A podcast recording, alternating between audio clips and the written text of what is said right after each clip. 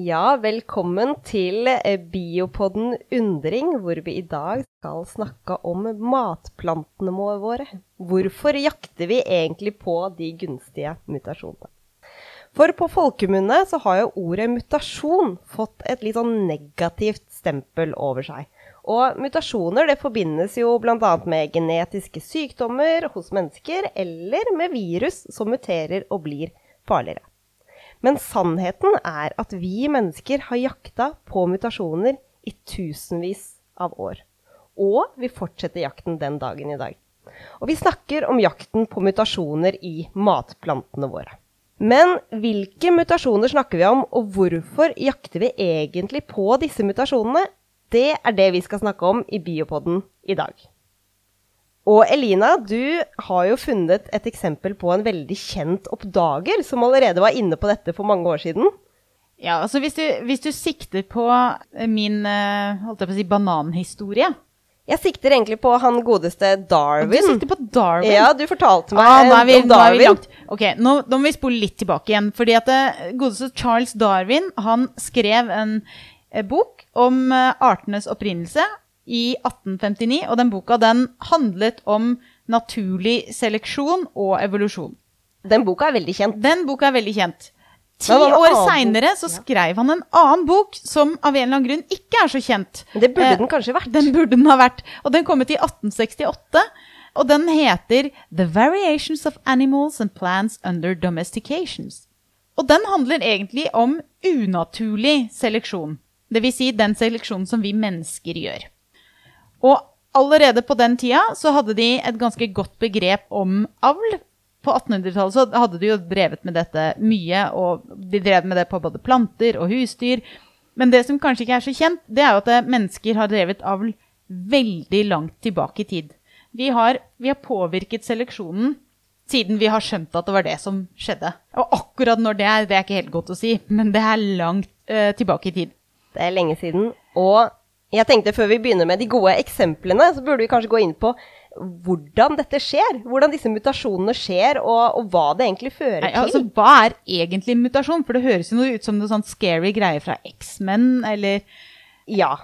Så jeg har liksom prøvd å finne en, en, god forklaring, og jeg vil si at en mutasjon det er en varig forandring i en organismes arvestoff, altså DNA en enkel forandring som er der i hele organismen, i DNA-et til, til, en organisme. Og hva dette fører til, altså en endring i DNA, det er ofte en endring i egenskapen til organismen. Og det er jo det vi er på, på jakt etter. Men kan mutasjoner oppstå uten at det skjer noen egenskapsendringer også? Ja, og det er jeg så glad for at du spør om, Elina. For det kan det. For det er jo veldig mye av eh, DNA-et vårt som ikke ikke liksom gir oss en egenskap. Det gjelder både organismer og mennesker og dyr og planter og alt.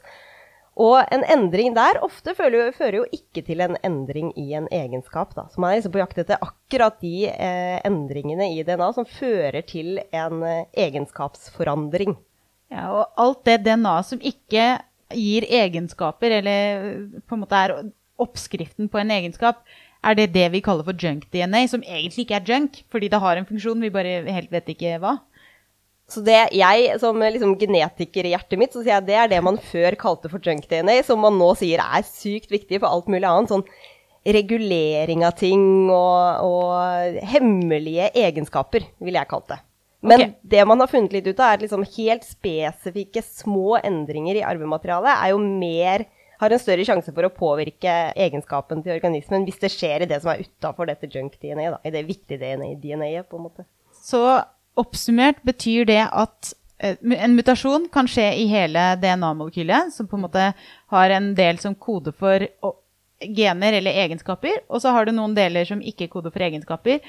Mutasjonene kan skje overalt, men det er først og fremst når de skjer i, i de områdene som gir egenskaper, at vi kan se det. Ja. Sånn. Mest sannsynlig. Ja. Og eh, disse egenskapene, eller de genene de gir oss jo proteiner som gir oss egenskaper. Det er jo det hoved, hovedprinsippet. Men det jeg egentlig ville frem til, er hvordan er det disse egne eller mutasjonene skjer? Fordi man tenker jo ofte at mutasjoner er litt sånn og skjer bare av farlige ting. Men det skjer mutasjoner eh, i alle organismer nesten hele tiden. Og uten noe ytre påvirkninger så er det to hovedmetoder det liksom skjer mutasjoner i DNA-et vårt på. Og det er enten når DNA skal kopiere seg, som det skjer hver gang en morcelle skal lage to datterceller. Og da, i kopieringsmekanismen, så kan det liksom skje en feil, og så blir det en mutasjon. Og jeg prøvde å regne ut, basert på det jeg kan om planter, hvor ofte dette skjer i mennesker. Og det er ca. 20 ganger per eh, generasjon, da. Sånn at eh, hvis Per cellegenerasjon? Nei, per, eh, hvis vi tar et individ, da. Fra, en, eh, fra deg, mor. Fra din mor til deg. Så jeg, er, på en måte, jeg har mutert 20 steder i mitt DNA som jeg har fått fra mamma og pappa. Altså, dette er min eh, Ja, basert på mine eh, beregninger på min plante, forskningsplante, okay, så hvis, er det hvis det. jeg var en plante, så er det sånn det fungerer. Ja. Ja. Og for at de, det som er viktig å tenke på også, er at for at de eh, endringene som da skjer i moren, eller som skal skje i deg, skal bli hele deg, så må det faktisk skje i liksom kjønnscellene til foreldrene dine.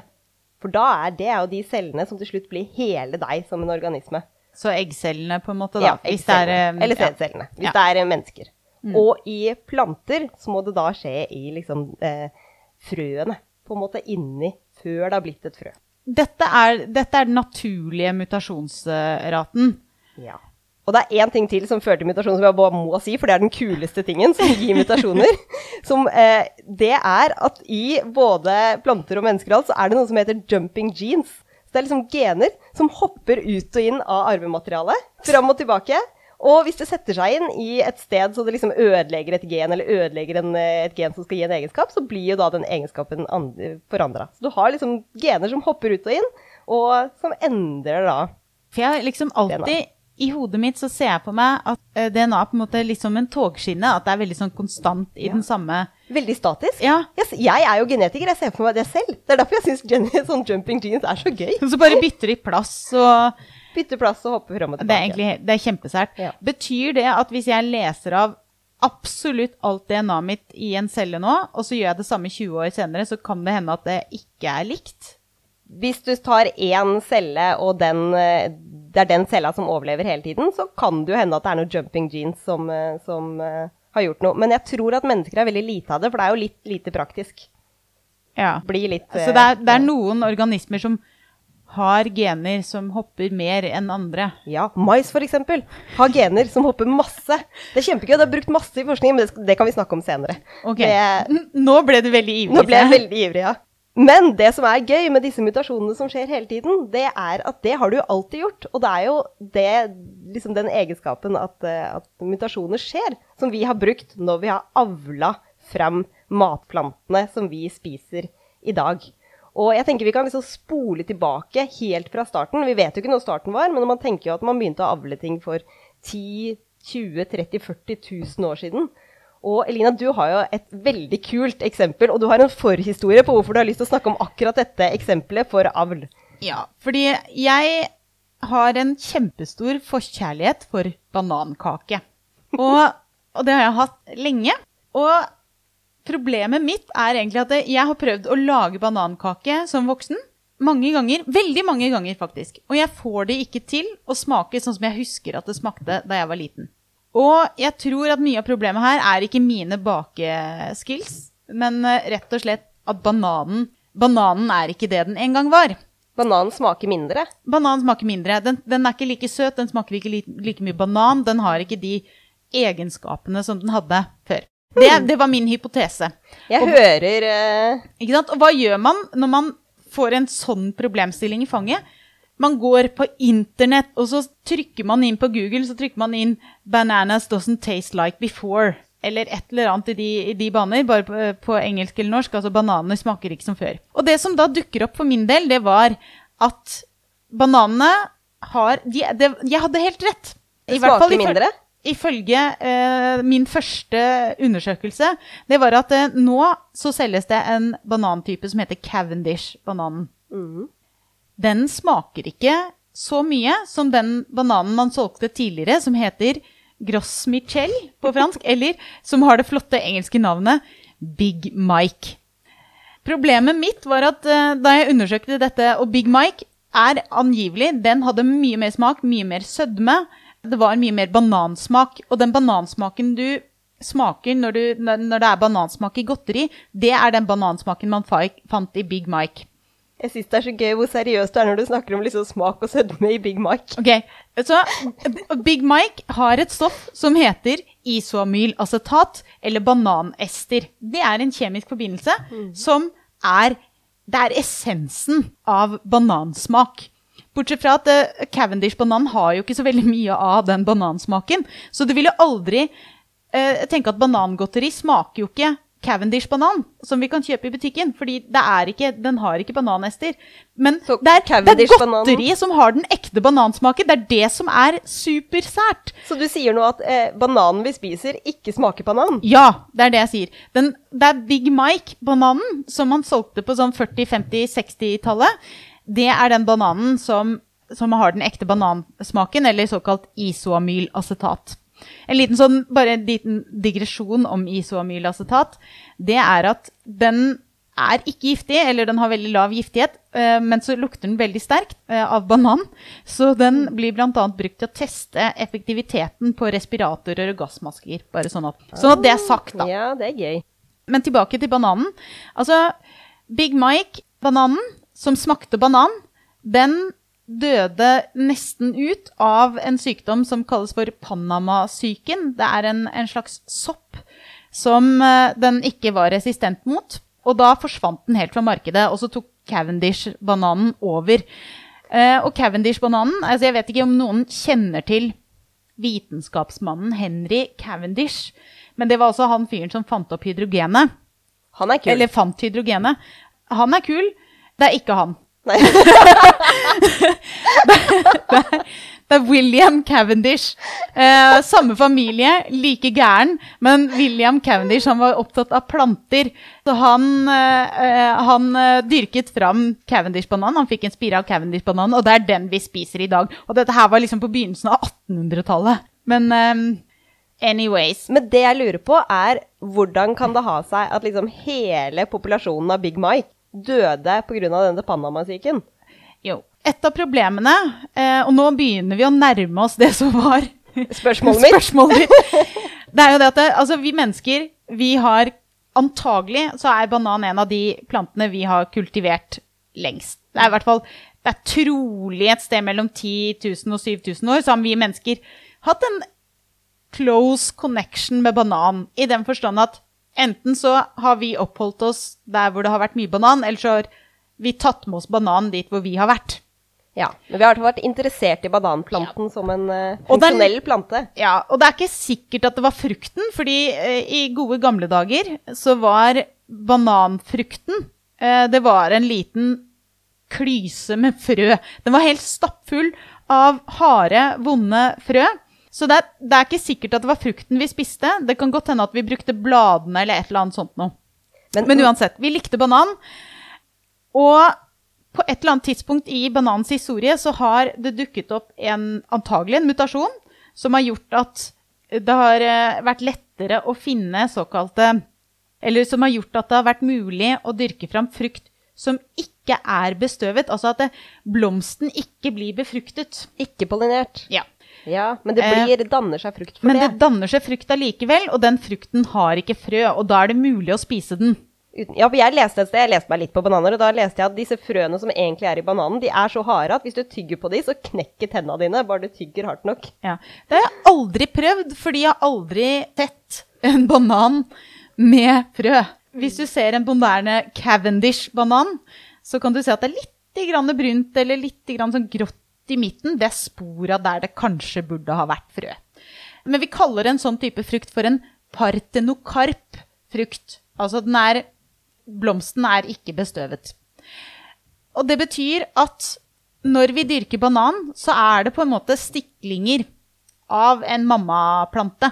Så alle bananplantene i en bananfarm er kloner fra den opprinnelige planten. Så du tar liksom bare en bitte liten grein fra morplanten og planter den, og så blir det sin egen bananplante. Ja. Og så planter du 1000 sånne, og da er de, de 1000 De er enleggede tvillinger. Eller egentlig, teknisk sett, så er de det samme individet. Ja, De blir jo kloner av hverandre. Ja, De er kloner av hverandre. Så egentlig alle bananene vi spiser, er kloner av hverandre. De er kloner av hverandre, og de er genetisk identiske. Så hver eneste banan du ser i, eh, som er Cavendish-bananer i butikken, de har nøyaktig det samme arvematerialet, mer eller mindre. Altså, det, det er egentlig helt sinnssykt. Men det har, dette har de drevet med lenge, og det er også grunnen til at Gross Michel-bananen for en eh, 70 års t- tid siden ble utsatt for sykdom, for de var genetisk identiske.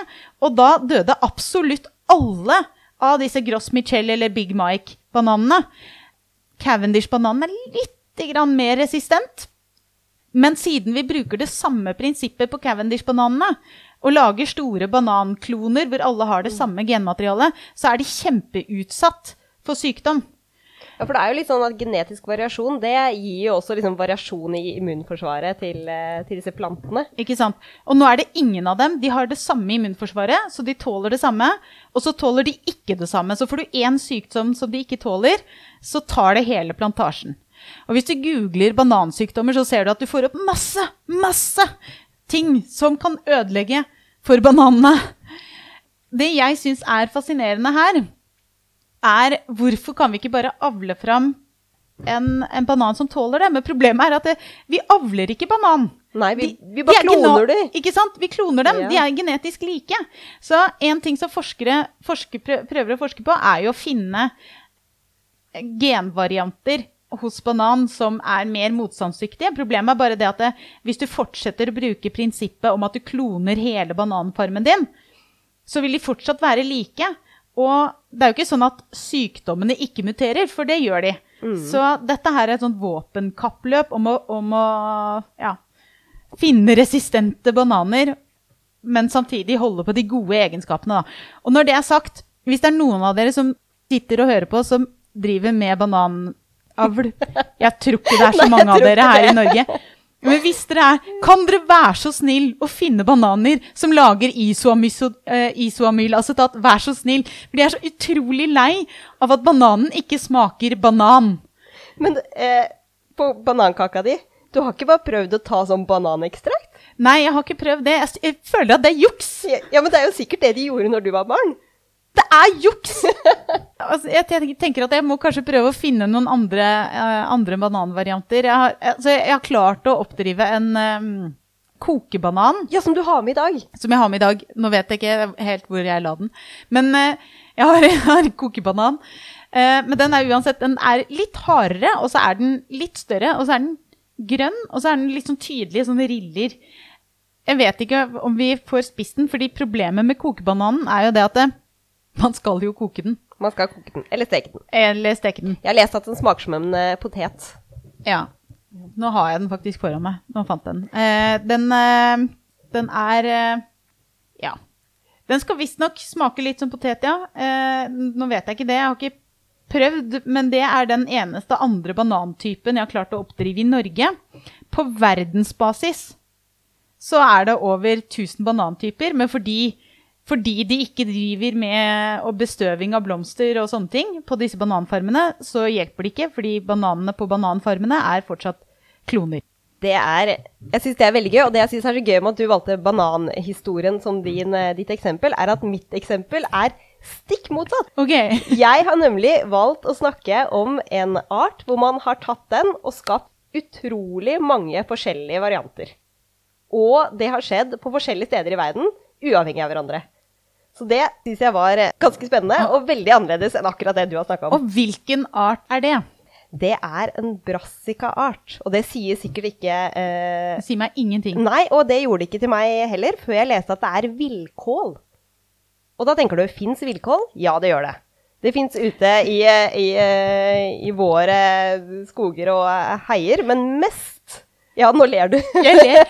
Og det er bare fordi jeg prøver å liksom tenke meg hvordan Jeg har aldri gått rundt i skogen og sett noe som jeg tenker Hm, det der ser ut som en kål. Men det er kjempegøy. Hvordan syns du en kål ser ut? Jeg tenker at en kål ser ut som en rund salataktig greie med masse store blader og det nesten som en rund, svær blomst. Ja, hold på den tanken. Og så begynner jeg historien min. Er det innafor? Bra. Fordi det er en art som heter brassica, og jeg kan ikke latin, olerasa? Ja, brassica olerasa, som da er villkål. Og for sånn ca. 2500 år siden så vokste den langs Middelhavet. Og den har store liksom, rosetter, blader. Og så har den en, en stilk og noen fine, gule blomster. Og de som bodde da i dette området, de skjønte at denne blomsten den har veldig gode blader å spise. For tingen er at denne eh, blomsten den overlever på vinteren med bladene sine. og Derfor så må disse bladene inneholde masse masse, masse næring, sånn at planten kan liksom overleve vinteren uten å gjøre så mye fotsyntese. Og da skjønte man at de er gode å spise. Fantastisk. Så da begynte de å spise den, og så gikk det litt tid, og så tenkte de disse kan vi jo begynne å så i hagene våre. Det var kjempelurt. Så da begynte de med det, og så begynte de å tenke sånn Hvis vi tar de, de liksom plantene som har størst blader, og sår ut de i neste generasjon, altså til neste år, da får vi da får jo alle de plantene store blader. Ja, det gjorde de. Og sånn fortsatte de. Og sånn fortsatte de, og liksom bare bare alltid ta planter som har de største bladene som de spiste, og så det ut til neste generasjon. Og i dag så har vi grønnkål i butikken, som er varianten av det. Kult. Og ikke nok med det, for det fortsetter. For dette var disse folka for mange, mange, eller 2000 år siden i, eh, i, ved Middelhavet. Men for sånn 200-400 år siden så begynte de på forskjellige steder, både i Middelhavet, men også i Kina og på litt andre steder, å tenke sånn Hm, det er jo mange ting vi egentlig kan spise på denne planten. Hva med, hva med blomstene, f.eks.? Så da var det noen som tenkte ja, vi tar de som har liksom store blomsterstrukturer, og sår ut de i neste generasjon hele tiden. Og så var det noen som tenkte ja, vi vil ha de som har liksom kort, men brei stilk. Og sår ut de i neste generasjon hele tiden. Og i dag så er det sånn hvis du liksom går inn på Meny, og så ser du i grønnsakshylla, og alt som egentlig heter noe med kål, er faktisk samme art som har blitt avla på forskjellige egenskaper på forskjellige steder i verden. Og det betyr det at dette egentlig er Darwins bok i praksis. Det er sånn Her har du mennesker som har plukket ut ting som skal bli blomkål og grønnkål og kinakål, for alt jeg vet. Altså, og så Ja. har det liksom blitt hver sin veldig, veldig forskjellige Fordi nå er det forskjellige arter, er det ikke det? Nei, de er fortsatt samme art. Nei, de bare ser, ja, de er fortsatt samme art. Kan jeg ta en blomkål og krysse med en kinakål? Ja, og for eksempel så er det broccolini, for eksempel. Det er jo små broccoli. Da har de tatt broccoli og så kryssa med Nå husker jeg selvfølgelig ikke hva de har kryssa med, da, men bare en annen variant. Så får du jo da broccolini, som er da liksom en variant av både liksom eh, broccolistrukturen og stor og stilk med mange små blomster. Jeg syns det er så utrolig at de som ser så forskjellige ut, er samme art. Det er eh, ganske sykt. Og det som er litt gøy, er jo liksom at de har aktivt gått på helt forskjellige steder hvor de har liksom ønska å spise. da. Røttene, eksempel. Kål, kålrot Nei, nå husker jeg ikke navnet. Kålrot? Nei, det er ikke kålrot. Det er eh, rosenkål. Knutekål. Så knutekål er jo liksom rota som har blitt kjempestor og rund. Men det er fortsatt samme art. Så alle disse så har de bare liksom avla opp på forskjellige egenskaper. Og alle de tingene er jo da liksom små mutasjoner som har skjedd i forskjellige generasjoner. Og så har de alltid liksom bøndene har aktivt valgt hvilken av mutasjonene de har lyst til å ta med til neste generasjon. Men dette har jo vært unnatural, eller unaturlig seleksjon à la Darwin, som vi har drevet med lenge. Eh, men det jeg syns er fascinerende, er jo på en måte at dette her I gamle dager så var dette noe som tok litt tid, da. Å, å få disse ulike eh, variantene. Men på et eller annet tidspunkt i historien eh, så fant man jo måter å øke antall mutasjoner på, sånn at du fikk, du fikk raskere fart. Fordi at du, du sa det er 20 mutasjoner eller noe sånt per generasjon. Så hvor mange mutasjoner det er per generasjon, kommer jo an på veldig mange ting, men bl.a. på, på liksom hvor mye genom, hvor stort DNA er, da, hvor langt DNA er. Ja. Så det har jo noe med det å gjøre. For jo mer DNA, jo flere mutasjoner får ja, du. jo, ikke sant? For det har noe med egentlig. eh, statistikk å gjøre. Ja. Men på 1920-tallet eh, så, så har jeg funnet ut at eh, en fyr som het Müller, han fant ut at hvis han liksom punsja på med radioaktiv strål, stråling, så fikk han opp mutasjonsraten i fruktfluer, eller sånne bananfluer, siden vi snakker om banan, med 15 000 prosent. Så han, han kunne virkelig liksom kjøre på og få opp mutasjonsraten. Og et år senere så var det en annen fyr som het Stadler. Stadler. Eh, han gjorde noe av det samme i bygg og mais. Rett og slett for å på en måte finne ulike Eller finne flere eh, varianter, da. Øke mutasjonsraten. Rett og slett for å finne flere gøye ting. Farger og jeg vet ikke hva. Det, det vel, da gjorde de jo bare De liksom aktiv- aktiviserte og bare gjorde at avlinga skjedde fortere, da. Eller introduserer flere mutasjoner per, per generasjon. Og det er jo helt riktig det du sier, at ofte så må man ha mange mutasjoner for å liksom se en effekt, og at det tar veldig eh, lang tid over flere generasjoner. Men jeg har et annet eh, kult eksempel. Da må jeg tilbake til eh, blomkål, eh, villkåltypen min. Er du klar? Jeg er klar. Hva eh, hadde du tenkt om du Jeg fortalte deg at hver gang du spiser blomkål, så spiser du egentlig stamcellene til planta di. Da, da tenker jeg at eh, jeg skal tenke meg om når jeg spiser blomkål neste gang. Stamcellesuppe, hvis du vil invitere på det neste gang du skal ha blomkålsuppe. Det, det høres litt fælt ut på et eller annet plan, jeg, men jeg klarer ikke helt å sette fingeren på hvorfor. Men det er jo sikkert sunt, da. Det er veldig sunt, og det er kjempegøy hvordan det har skjedd. For hvis du tar en brokkoli, liksom de grønne strukturene som strutter ut overalt i en brokkolibunt, det er liksom litt uferdige blomsterstrukturer. Og blomsterstrukturer de dannes jo fra stamceller.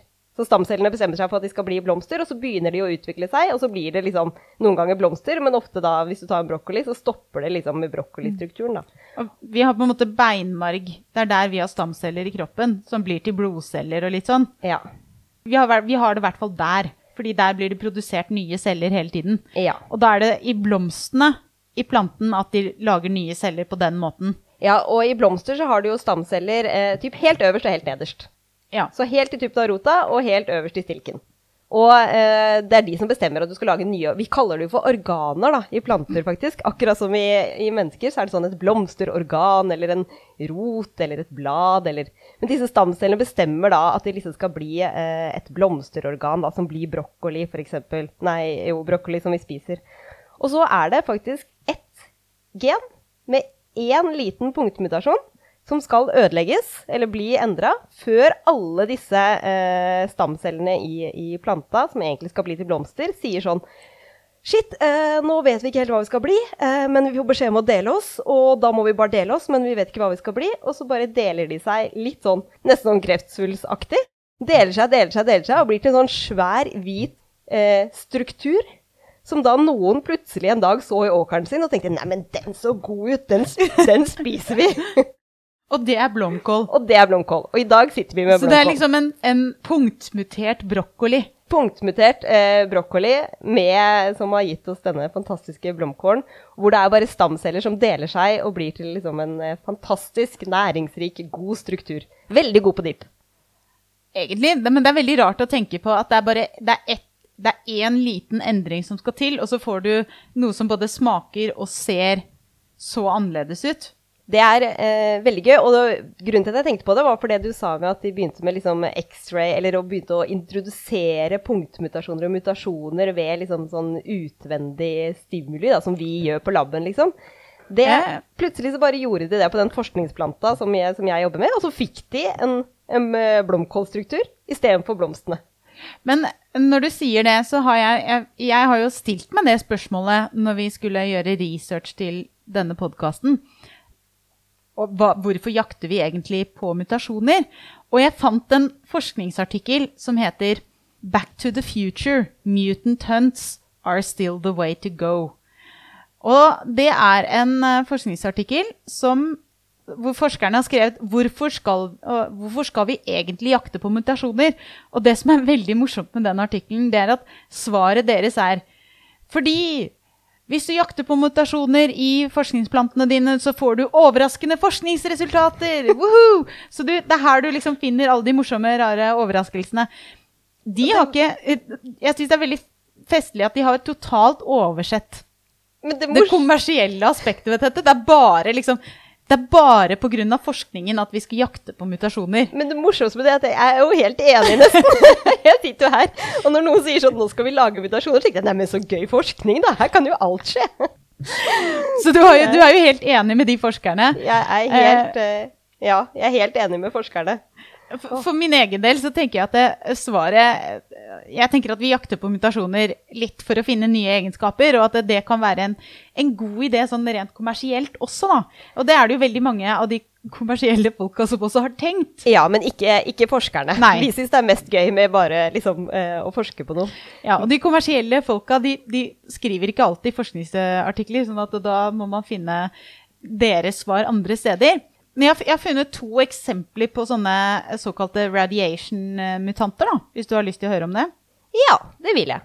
For det er um, en um, form for grapefrukt som uh, kom på det kommersielle markedet i 1971. Mm. Og den, uh, den er, heter Ruby Red Grapefruit. Uh, og det er rett og slett en Altså, de, de har funnet en rødere grapefrukt enn den som var før. Så det, måte, det var den kommersielle. At den bare skulle få en annen farge, så den skal ja. se bedre ut? Sånn. En, en, dypere farge. For det, det, var mer kult, eller noe. Og så har du en annen uh, variant. En uh, risvariant som, uh, som, tåler litt syrlig og saltholdig jord bedre. Som du også kan dyrke i kystområder, som ikke på en måte må langt inn på fastlandet hvor det er ferskvann, men som du har muligheten til å dyrke steder hvor det er litt andre jordtyper. Så det er også en sånn kommersiell rissort Det har dukket opp pga. Radi radiation, eller, eller såkalte røntgenstråler, da. Jeg synes det er veldig gøy, fordi jeg tenkte også nei, nå skal jeg gå og prøve å finne ut liksom, eh, kommersielle, kule ting som har skjedd fordi man har brukt eh, Vi har liksom introdusert mutasjoner, da. Men så ble jeg jo bare stuck i disse forskningsartiklene, som jeg syns var kjempespennende. Og da viser det seg at når du gjør liksom eh, X-ray eller noen andre for å liksom lage mutasjoner. Så de aller fleste plantene blir egentlig bare mindre, og de har det verre. Bare fordi de ikke klarer å liksom overleve med alle disse eh, mutasjonene. Da. Og det var det masse statistikk på. Kjempegøy. sånn at eh, når jeg nå sitter og skal fortelle om noe gøy som har skjedd med matplantene våre pga. det, så fant, kom jeg aldri dit at jeg fant et godt eksempel. Bare fordi det var så mye annet morsomt å ta tak i. altså, men jeg har, jeg har, funnet et annet eksempel. Da, hvor det er noen som har brukt kjemikalier fordi at én ting er at røntgenstråler eh, kan få kroppen, eller eh, kan få cellene til å få flere mutasjoner. Men det er ganske mange kjemikalier som også gjør det. Og et eh, kjemikalium, eh, såkalt EMS Jeg husker ikke hva den forkortelsen står for. Jeg tror det står for etyrmetansulfat. Ja, Det skaper mutasjoner i en celle. Kan jeg fortelle hvordan? Ja, det kan du. Å, så gøy. Du har jo faktisk brukt det. Jeg har brukt dette til å, til å gjøre akkurat sånn EMS-forskning som jeg snakka om i stad, som jeg ble så opptatt av når jeg begynte å lese om det. Og hvordan det fungerer, er at EMS er et kjemikalie som du da tilsetter eh, cellene dine. Det går inn til DNA, og så tror jeg de setter på en acetylgruppe på en av baseparene dine. Eller ikke dine, da, til planten eller til organismen. Og da, når eh, man skal kopiere den som har fått denne modifikasjonen eller den endringen på seg, så klarer man ikke å kopiere riktig. Så kopierer man feil, og så får man en mutasjon. Ok, Så nå snakket du litt sånn gresk for meg. Sånn jeg, jeg, sånn jeg, tolker det du sa nå, ja. er at uh, når cellen skal dele seg, ja. så kopierer den opp DNA over i den nye cellen. ikke sant? Lager ja, en kopi lager. av seg sjøl. Mm. Uh, og det får den ikke til fordi EMS-stoffet har satt en blokk som har gjort at eh, den ikke klarer å kopiere. Og da gjør den en endring i stedet, og så fortsetter den å kopiere. Ja, eller det er ikke en blokk, det er en litt sånn den skal prøve å kopiere noe, men så er det litt sånn gresk, da, den skal kopiere. Litt sånn som det. så da blir den liksom hm, Jeg vet ikke helt hva jeg skal kopiere her. Ja, men da setter jeg inn denne istedenfor. Ja. Så, så da blir det eh, veldig sånn enkelt små feil overalt. Ja. Og det er bare fordi den ikke klarer å lese av det opprinnelige DNA-et. Ja, eller fordi eh, den endringen liksom ødelegger for lesinga, da. Ja. Men um... Og det er veldig vanlig å bruke, jeg må bare si det. Det er en kjempe Det er dette de er EMS jeg tror de har brukt aller mest for å både lage liksom eh, Både på laben, men også på matplantene våre, da. Men hva er det man egentlig gjør når du skal bruke EMS? Altså, jeg, jeg, klarer ikke helt å se det for meg, for hvordan, hvordan, du på en måte tar noe som åpenbart er kjempegiftig, for det er jo giftig for deg også. Veldig giftig. Eh, Avtrekkskap. Rett og slett. Ja. ja. Men hva er det du gjør? Maler du frøene oppi, eller, eller sprayer du det på, eller hva? Så det man gjør, er at man har liksom denne EMS i en løsning. Og det jeg gjorde jo på frø, da, på den planten jeg forsker på. Og da helte jeg bare en haug med frø oppi den løsningen. Venta en time eller to. Og så, kan Og så lot du alle de frøene ligge oppi ligge oppi giften. der. Og så går giften liksom inn i frøene, inn i DNA, til cellene i frøene, og intro eller lage mutasjoner eller endringer overalt inni der. Og det jeg da leter etter når jeg gjør forskning, som jeg da syns er kjempegøy, er jo da liksom endringer som da fører til en egenskap som har endra seg, da. Så du, når, de plantene, når du har dyrka fram de plantene, så ser du liksom på sånn Oi! Denne blomsten var lilla. Ja, det var å ta litt hardt i, men ja, eh, egentlig. Akkurat det jeg ser etter, kan jeg si hva jeg ser etter? Ja. Jeg ser at oi, denne blomsten mister ikke kronbladene sine. Så du ser etter planter som, som fortsetter å være blomst. Som fortsetter, eller som bare ikke mister kronbladene sine. Som ikke sine. visner. Ja, eller de visner, men de henger fortsatt på. Så det betyr at du vet når du har eh, roser i, i en vase, og så visner rosene, og så faller rosene av, eller bladene av. Ja. Tenk om de hadde visna, så hadde de bare blitt på. ja. Det, Jeg, jeg klarer ikke å se for meg hvorfor det Den visner jo uansett. Altså, Den visner uansett, men eh, nå er vi på ville veier, da. Men det som eh, jeg tenker det er viktig for eh, Eller det er viktig for eh, matproduksjon i fremtiden, f.eks.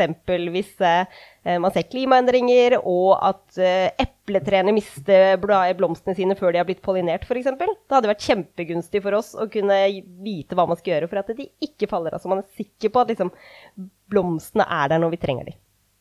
ok. Så du leter etter en mutasjon som gjør at du kan bestemme når blomstene skal falle av. Så det, jeg leter etter å forstå hvordan det skjer, og så er det noen, opp til noen andre å finne ut hvordan vi skal Ja. leke med det. Så du gjør det ikke-kommersielle, rett og slett. Jeg, ikke. jeg er den forskeren jeg som bare syns EMS er kjempegøy. Vet du hva jeg fant når jeg lette etter eh, mutasjoner på internett? holdt Jeg på å si? Jeg fant en forskningsartikkel hvor noen har dokumentert alle EMS-mutasjoner hos agurk. Hvis man, hvis man behandler agurken, hvis man legger agurkfrø i en sånn eh, EMS-blanding ja. og dyrker dem fram, er alle mulige rare mutasjoner. Så alle Eh. de, klarte å, eh, alle de klarte å finne, da. Ja. det er gøy. Da er det men, endringer i genene til eh, agurken. Men det jeg ble veldig skuffa over eh, de hadde, For det første så hadde de dokumentert veldig mye endringer i selve plantene. Av eh, endrede blader, blomster og alt mulig sånt noe. Jeg syns det er mest spennende med endringer i selve agurken. Men det jeg ble veldig skuffa over, var jo at de ikke har smakt på den. Altså, Forskerne har rett og slett ikke sett etter endringer i smak. De har bare vært opptatt av, av utseendet. Men, men det, ja, det er jeg enig i at det er veldig rart, men på den annen side så tenker jeg sånn at man er jo så strenge, man kan jo ikke spise det man jobber med på laben. Nei, jeg ville heller ikke spist en EMS-agurk. Nei, det Men jeg bare tenker at det, sier du, og så gjør vi det hele tiden. Men. Men jeg bare tenker at det er uansett Det er litt rart da hvis man ser etter, eh, etter egenskaper, og det er jo en viktig egenskap hva den smaker, i hvert fall hvis man skal dyrke den fram. I stedet så har de liksom sett etter Ja, vi har fått uh, lengre agurker, og så har vi fått agurker med og uten sånne små knopper på, sånn som f.eks. sylteagurken er jo full av det man kaller for små vorter. Så med agurker med og uten sånne.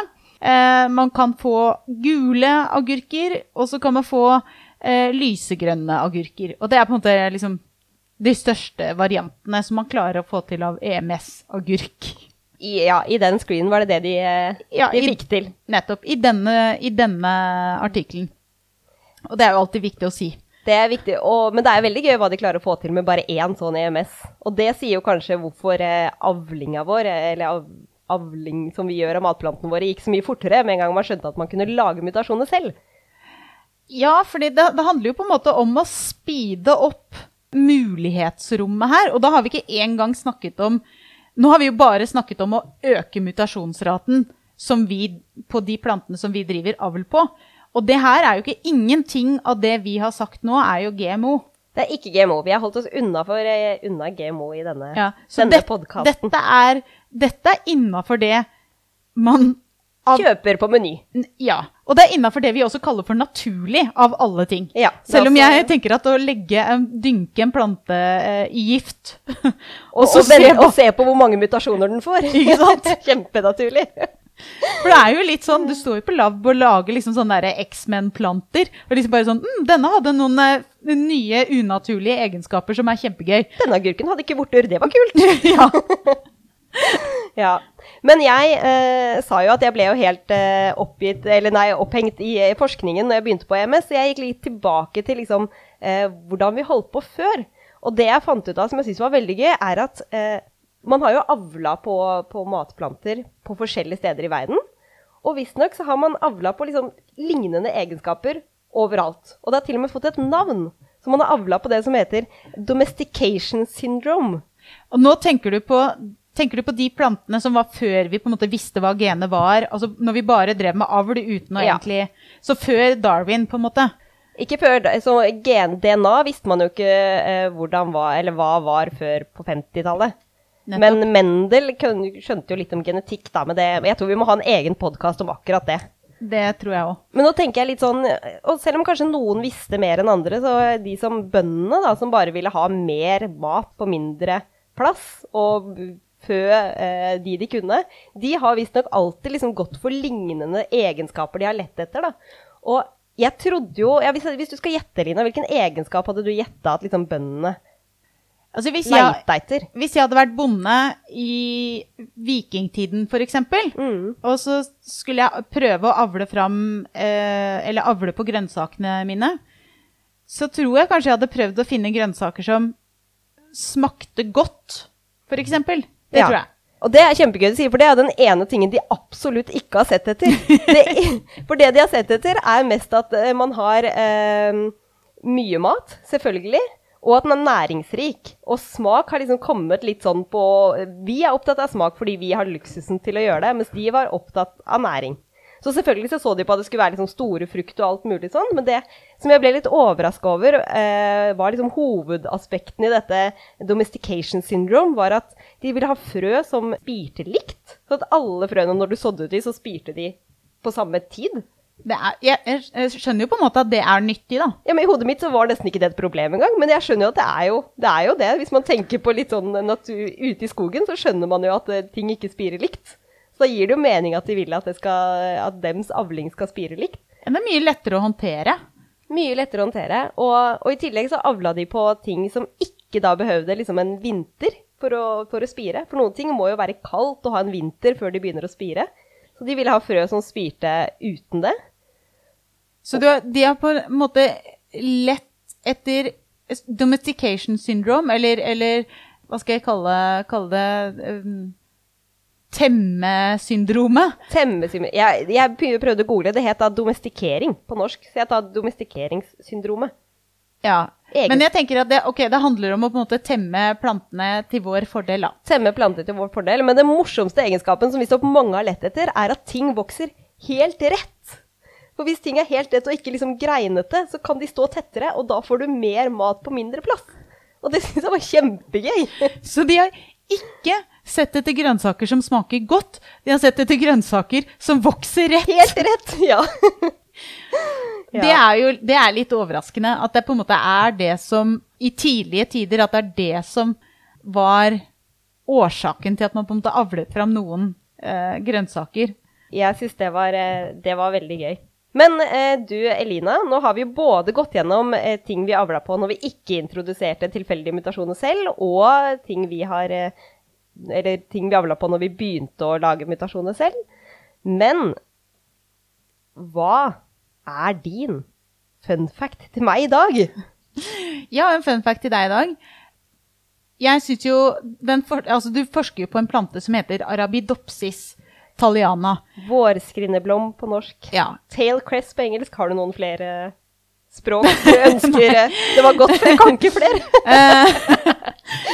Arabidopsis thaliana, det er da latin. Ja. Men uh, jeg, jeg trodde at jeg kanskje skulle Jeg prøvde å finne noe som jeg kunne overraske deg med. Fordi Om arabidopsis! Ja. Å, så gøy! greia er at uh, den første planten som har laga frø i verdensrommet, det er Arabidopsis thaliana. Og det er sikkert fordi den er liten og søt og lett å ta med seg i verdensrommet. eller noe sånt noe. Men eh, det er den første planten som har blomstra og laga frø i verdensrommet. Nei, så gøy! Og det, dette, Det er er dette skjedde allerede i 1982. Det visste jeg ikke. Så Så, det jeg er- hadde gjetta på at det var den, men jeg hadde heller tenkt at det var på i 2010. Ikke sant? Det er nesten 40 år siden. så klarte forskere å få blomster til å blomstre i verdensrommet. Det er Eh, det syns jeg, er, eh, jeg er litt morsomt, rett og slett. Det er min fun fact. Det er, ikke så, eh, det er på en måte fra arv for 10 000 år siden til romblomster. Men ja. Det er et lite det. hopp der. Det er et lite hopp. Både fra jorda og, og i tid, og i, i teknologi. Og i rom. og i rom. Men da skal jeg, min fun fun fact eh, handler også om hopp. Ok, nå gleder jeg meg. Den handler om jumping jeans. Oh. Min fun fact er nemlig at uh, man har jo forska på alle mulige sånn DNA-ting, og, og man gjør aldri det planter, for de er liksom ikke kule nok. Men akkurat jumping genes, eller transposoner som det heter, de ble faktisk uh, funnet første gang i mais på 30-tallet, altså før man visste hva DNA var. Så kunne man se i mikroskopet og skjønne at det er jumping, at gener hopper fram og tilbake, selv om man ikke visste hva gener var, eller DNA var. Det er ganske sykt. Det er veldig sykt, faktisk. Så det, eh, og grunnen til at man brukte mais, er at det er så store celler, så man kan mye lettere se liksom, eh, kjernen da, og de strukturene inni som man ikke visste hva var, men som man skjønte hoppa frem og tilbake. Det er en ganske morsom fun fact. At man på en måte Man kunne se genetikken, og så fortsatt så tok det en sånn 20 år før man begynte å skjønne hva det her handla om. Ja. Man kunne Ja. Det er veldig, jeg syns det er veldig fascinerende. Det blir det samme med å introdusere mutasjoner, som vi har snakka om, som de liksom begynte med lenge før de visste hva DNA var. Strukturen på DNA, da. Og det, da snakker vi jo 10 000 år før man Ja. visste hva DNA var. Ja, ja, det er Så steinalderfolk som bare fant en blomkål og fortsatte å dyrke fram den. Nå, det er bare rent hypotetisk, jeg vet ikke når de fant blomkålen. Men uh, at de bare tenkte nå dyrker vi den. Det er på en måte genetikk på steinaldernivå. Og det tar vi som eh, siste kommentar for dagens podkast. Genetikk på steinaldernivå. Og da vil vi bare takke for oss. Eh, Du har nå hørt eh, Vilde Olsson Lahlun og Elina Melteig. Takk for at du hørte på. Lik og del, og så høres vi om ikke så lenge.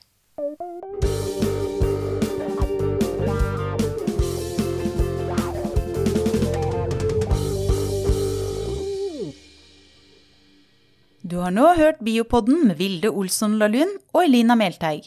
Og med på laget har vi også Torborg Galtland, daglig leder i Norsk biologforening.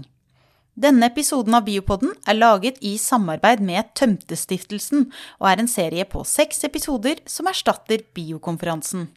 Årets tema er mat. Podkasten utgis av tidsskriftet Biolog, som eies av Norsk biologforening. Musikken du hørte, er laget av biologibandet Overgump, som består av Even Sletteng Garvang, Markus Fjelle, Erik Møller, Mathias Kirkeby og Audun Rugstad. Fortell gjerne om podkasten til venner og kjente, og gi oss tips og tilbakemeldinger på e-posten biopodden alfakrøllbio.no. Og hvis du vil støtte oss, så er du hjertelig velkommen som medlem av Norsk biologforening. Vi høres.